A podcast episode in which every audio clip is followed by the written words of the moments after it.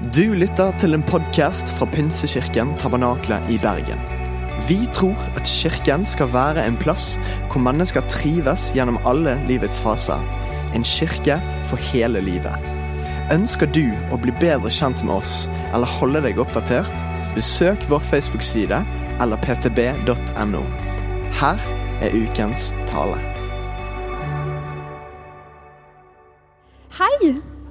Kjekt å få lov til å være her sammen med dere i kirka i dag.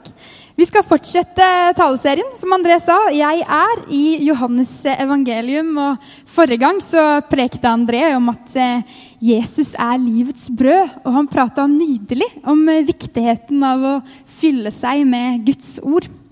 Han prata også veldig varmt og nydelig om en eh, brødskive med salami og majones. Faktisk så mye at mandag, da jeg skulle handle, så kjøpte jeg salami for første gang på veldig lenge. Eh, og det var veldig godt. Innledningsvis så tenkte jeg si noe mer om meg selv. Jeg står jo her av og til og synger litt, men siden det er første gangen jeg snakker, så får du en kjapp eh, presentasjon. Det er sant, jeg kom hit eh, som Kristine Bangren for eh, fem år siden til høsten. Har blitt Kristine Bangren Gripsgård i løpet av den tida. og Etternavnet det var jo en, eh, det var en hard kamp i, eh, i, eh, ekteskapsforhandlingene. Og jeg ble lovt tre små krav eh, mot at jeg tok etternavnet hans. Eh, jeg jobber som politisk rådgiver for helsebyråden i Bergen. og Vi har et budsjett på nærmere 7 milliarder. Og hver eneste dag så tenker jeg at dette er ikke nok. Det er enda flere i Bergen som trenger behov. Det er liksom Behovene bare er så mange. Politisk rådgiver er en vag tittel. Det er ingen som veit hva jeg driver med. Eh, ikke engang mine nærmeste. Men siden vi i dag skal prate om lys, så kan jobben min forklares ved hjelp av lys. Den handler om lys fordi jeg jobber for Håpets parti, og jeg prøver å sørge for at det kristne lyset skal skinne sterkt i hver eneste sak vi driver med. Den handler om lys fordi to par øyne ser bedre enn ett par øyne. og Det blir eldre, flere og flere eldre og færre skattebetalere, og hver eneste krone må brukes godt. Den eh, handler om lys fordi vi gjerne vil ha mediene spotlight på det vi jobber med. Og i dag så hadde jeg tenkt å prate om lys og samfunnsansvar. og At vi må la de kristne verdiene få skinne gjennom. og Vi må tørre å gå i spotlighten selv. Litt sånn klassisk uh, meg, egentlig. Gode greier. Kladda ned noen tanker og tenkte at det skulle gå fint. Så sitter jeg i sofaen hjemme for et par uker siden og aner fred og ingen fare. og Mannen min spiller Selda ved siden av meg og har akkurat oppnådd et eller annet skikkelig bra, for det kommer en eller annen sånn veldig positiv lyd. Eh, og så kjenner jeg veldig sånn sterkt at jeg egentlig skal prate om mørket. Så prøvde jeg liksom innlede litt forhandlinger med tankene mine, og mørket Oh no. For det første så er det veldig stusslig å prate om det første gangen jeg skal preke her. Og for det andre så er det et enormt komplekst tema som heller andre enn meg kan eh, snakke om. Men eh, mørket Prat om mørket. Og siden eh, det var eh, første gang jeg skulle preke, så stolte jeg på den sterke fornemmelsen. Teksten jeg skal eh, preke ut fra her i dag, er fra Johannes 8, kapittel 12, og vi leser eh, sammen. Jeg er verdens lys. Den som følger meg, skal ikke vandre i mørket men ha livets lys. Det er eh, løvhyttefest i Jerusalem. Den eh, kom rundt september-oktober hvert eneste år og ble feira når eh, vindruene og olivene var kommet i hus.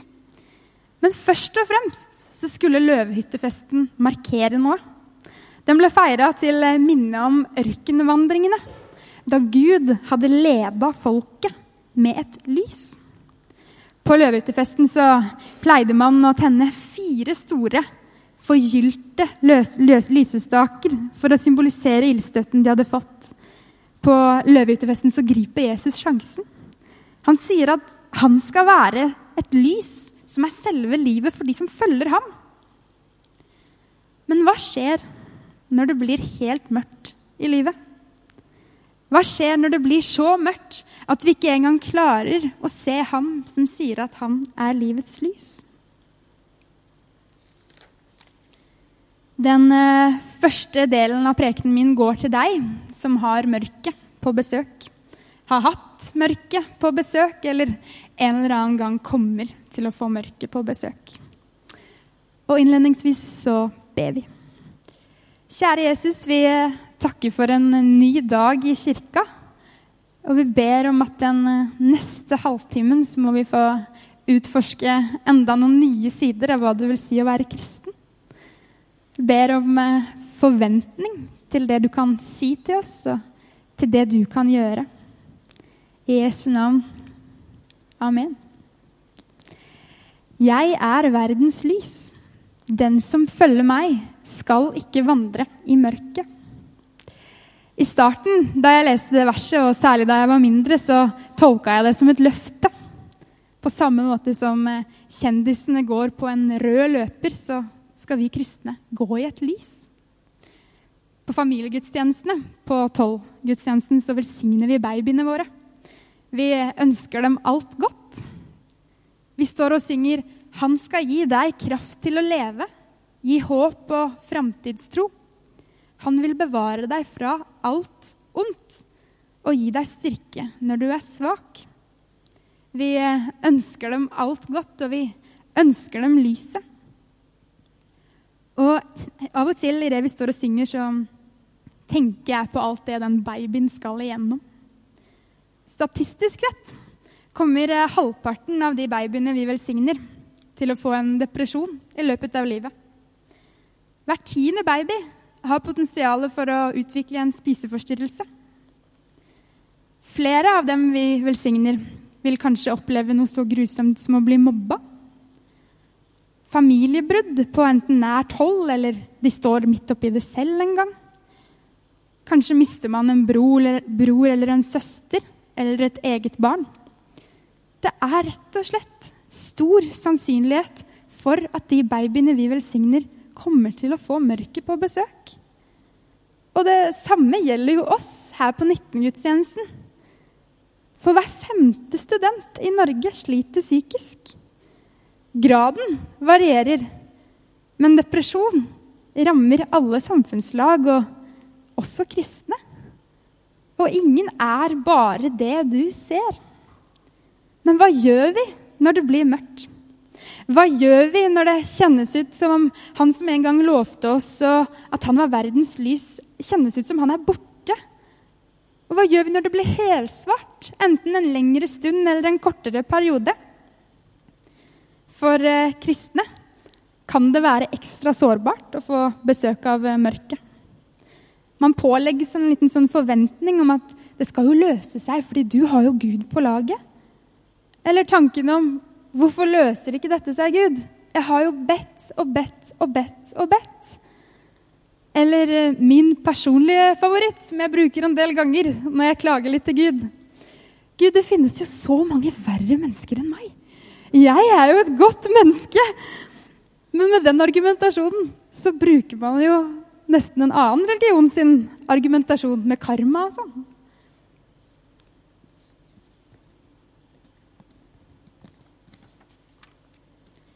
Erling Rimehaug, tidligere redaktør i Vårt Land, skriver i boken 'Når Gud blir borte', om da mørket kom og besøkte ham.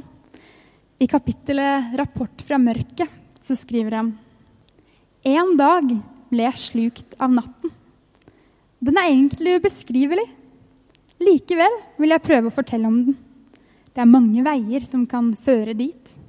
Vi kan miste noen, vi kan bli sveket, vi kan selv svike noen. Vi kan bli utsatt for misbruk, vi kan miste jobben eller bli satt til side på andre måter. Mange opplever slikt uten å havne i mørket. Og det siste er et viktig poeng. Noen opplever at nærheten til Gud bare øker når livet røyner på, mens andre opplever at distansen blir lengre og lengre. Sannsynligvis så sitter eh, det noen her som kanskje har mørket på besøk. Eller kanskje er det den blå timen, den timen rett før det blir mørkt og det er fortsatt noen lys igjen på. Erling Rimhaug skriver at han følte at Gud ble borte. Og dermed er natten der, og vi slukes hjelpeløst av den. Det er da vi kunne trenge Gud. Men noen av oss opplever at akkurat når vi trenger Han, så blir Gud borte. Dette er hva jeg kaller sjelens mørkeste natt. Savnet etter Gud kan bli så enormt at vi ønsker at han ikke finnes, så vi kan slippe å tro på ham. Ei eh, jente jeg kjenner som havna i mørket, skrev dette i sin journal våren 2017. Vi nådde mars. Det var så stort å få komme hjem til påsken og få se blåveisen i veikanten og se at livet går videre. Selv med mørket på besøk så kan livet gå videre. og De siste månedene har jeg vært statist i mitt eget liv. Det er mørket som har spilt hovedrollen, og ukevis med sofaligging er bevisgjenstand A.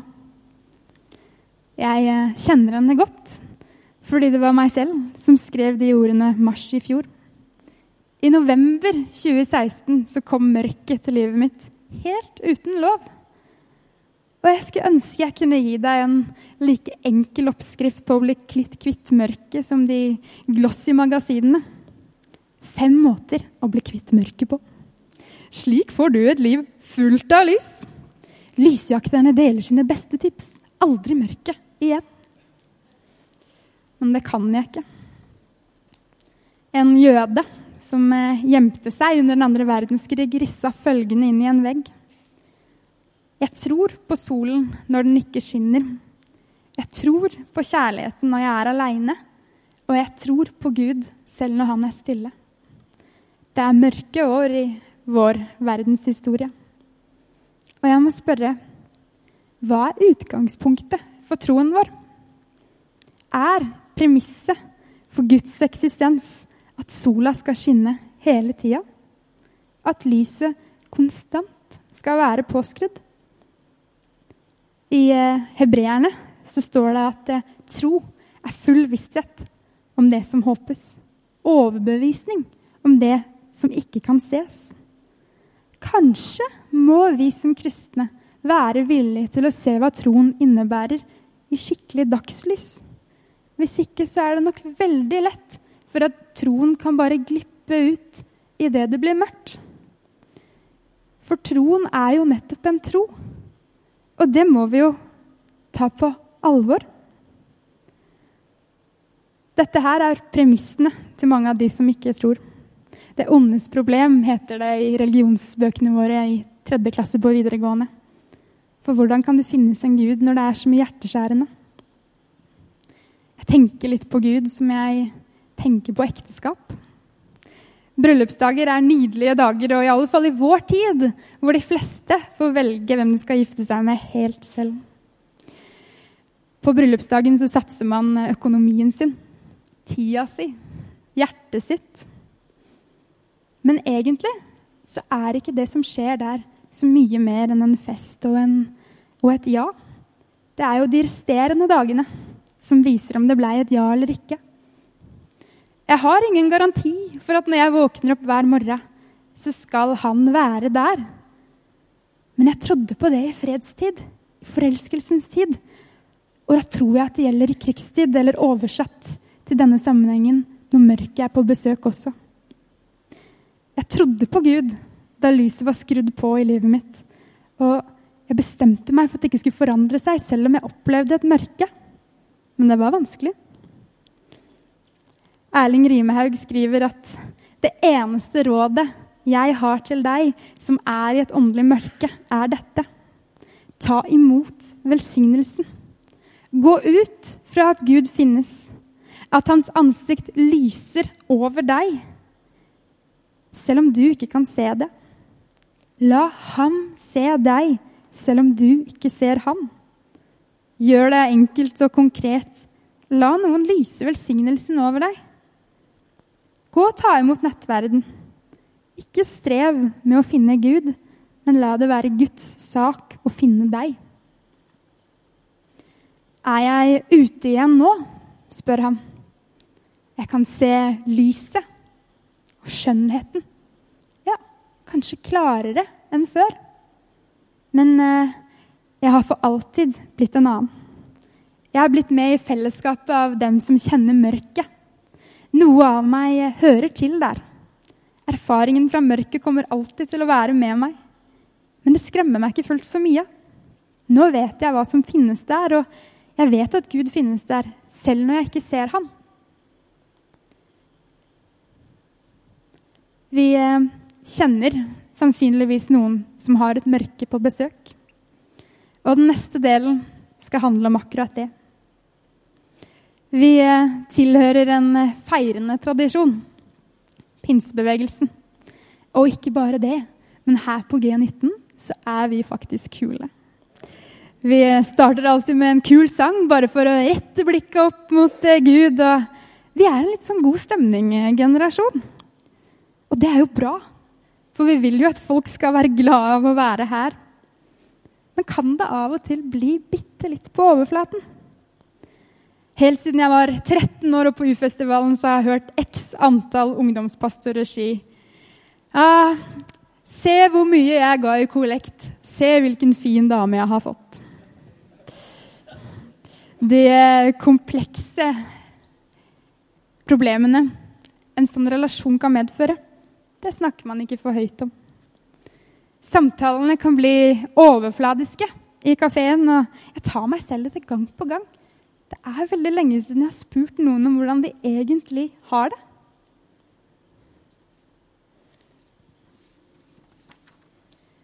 Fordi det er jo litt slitsomt å komme litt for nær. fordi jeg vet jo ikke hva jeg skal si hvis noen plutselig har det skikkelig fælt. Og, og jeg har jo jobb og eksamen, og det finnes så mange grunner på Instagram og i samfunnet generelt så heier vi på det sunne og det friske og det veltrente. Vi heier på de forgyllende lysestakene som representerer noe godt, nemlig lyset. Å oppleve et mørke kan være skamfullt. Men siden vi kristne har fullt håp og fullt overbevisning om at vi kjenner til livets lys, burde ikke vi være de første til å snakke om mørket? Burde ikke vi være skikkelig gode på å håndtere samtaler som dreier seg om mørke ting? Happiness can be found in the darkest of times if only somebody remembers to turn on the light. Ordene de tilhører rektor Humlesnurr idet Harry Potter nok en gang skal ut og bekjempe mørkets herre han vi ikke nevner med navn, nemlig Voldemort. La dem være i fred, men ikke la dem være forlatt. Det er stor forskjell på å bry seg med og bry seg om. Jeg tror at for at mennesker skal se lyset igjen, så er det deres eget hjertes lys som må skrus på. Den lysbryteren har ingen andre tilgang til. Men vi andre, vi kan finne lommelyktene våre og prøve å vise veien. Jeg har ofte lurt på hvorfor så mange kristne velger å trekke seg ut av kirka når de får mørket på besøk. Når eh, konfliktene oppstår, eller når bruddene skjer, eller når livet blir for tøft å leve. Av og til kan det virke som om det er deiligere å bli i mørket fordi man har så mye skam. Vi har normer i den kristne troen. Vi har en oppskrift på hvordan livet skal se ut, og hvordan relasjoner skal se ut. Og når ting ikke går etter oppskriften, så blir skammen så stor. I Amerika finnes det et eh, tilspissa politisk uttrykk. Republikanerne er imot abort helt til deres 17 år gamle ugifte datter vil ha en. Men er det ikke derfor kirka er til? Er det ikke da ressurssterke familier skal stå klare til å spleise på barnevogna? Og er det ikke når bruddene skjer, at kirka skal stå parat til å bidra? Og er det ikke når depresjonen herjer, at lommelykter skal tennes over hele kirkesalen? Vi sier at eh, kirka er verdens håp. Men jeg tror at lyset er et premiss for at mennesker i det hele tatt skal se håpet. Og da er mitt spørsmål Gjør vi i tabernaklet det lyst nok for folk, slik at folk ønsker å komme hit når de trenger håp? Og kirka, det er vel ikke bygningen adressen Marken 27 eller det grønne taket eller huset. Kirka er jo oss. Og da blir spørsmålsstillingen gjør vi det lyst nok, slik at folk som trenger håp, og trenger å se håp, ønsker å komme hit? Det finnes nok av sikkerhetsnett der ute til å ta vare på mennesker. I forrige uke gikk sosialbyråden Erlend Horn ut og sa at ingen i Bergen skal sove ute i sibirkulda. Bergen kommune sørga for nok husrom til alle. Og det finnes nok av velferdstjenester og organisasjoner som tar ansvar for det mennesker mangler av materielle ting. Men hvem melder seg til å ta ansvaret for å gi mennesker håpet? Hvem melder seg til å ta ansvaret for å gi mennesker troa? Og hvem melder seg til å ta ansvar for å gi mennesker kjærligheten? Dette er for viktige ting til å si at kommunen skal gjøre det. Eller staten skal gjøre det. Det er jo her kirka skal utspille sin rolle. Unge kristne i dag, og bandet kan komme opp Unge kristne i dag er eh, gode på produksjoner. Vi er eh, gode på festivaler og prosjekter osv. Og, så og det er kjempeviktig. Det er så mange som tok imot Jesus på Radiance forrige helg. Men jeg håper at vi er en generasjon som forplikter oss til noe mer enn et prosjekt. For kirka er ikke en festival eller en produksjon eller en to do-list. Kirka er bygget på oppdraget vi har gitt. Å gi mennesker lyset. Å gi mennesker muligheten til å se Jesus. Jeg drømmer om at eh, G19-miljøet skal være som en gjeng som går på en fjellbre. Bak hverandre godt forankra og stødige i troen, bundet med tau til hverandre gjennom kjærlighet til både Gud og mennesker. Og skulle noen da falle mens vi går, så står vi parat til å løfte de opp igjen og gå sammen opp til fjelltoppen, slik at personen igjen kan se. Og jeg drømmer om at vår generasjon skal bli en skikkelig skamløs generasjon. At det er kirka jeg en gang velger å plassere meg i hvis krisen oppstår. Hvordan eh, ser dette ut helt konkret? Kanskje handler det om å gjøre samtaleemnene i kafeen litt dypere. Kanskje handler det om å klemme litt lengre. Kanskje handler det om noe så enkelt som å anerkjenne mørket våre medkristne befinner seg i. Walt eh, Disney sa at vi må aldri glemme at det hele starta med en liten mus.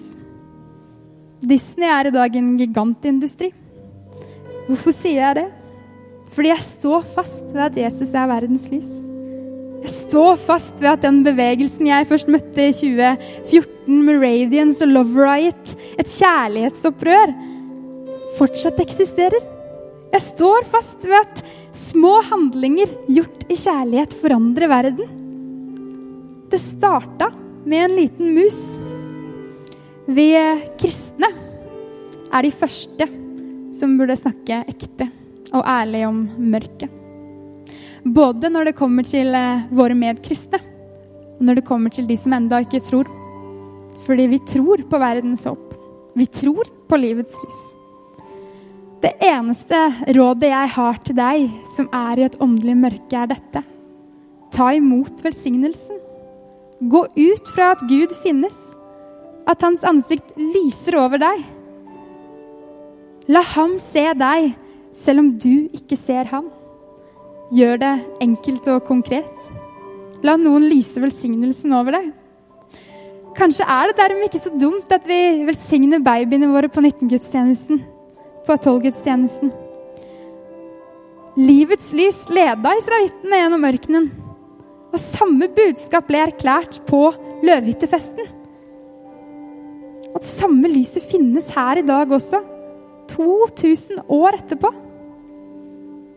Midt i en metoo-kampanje.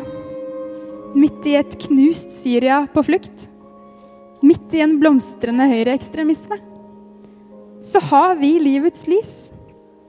Spørsmålet er om vi tar humlesnur Humlesnurr sin utfordring på alvor. Kan det være vi kristne må skru på lyset for andre mennesker for at de i det hele tatt skal få se lyset og Jesus? Kanskje de selv må få lov til å erfare lys før de kan se at det er han som er livets lys. Er vi flinke nok til å skru på lysbryteren? Herren eh, velsigne deg, og Herren bevare deg. Herren la sitt ansikt bare lyse over deg og være deg nådig. Herren eh, løfte sitt åsyn på deg og gi deg fred.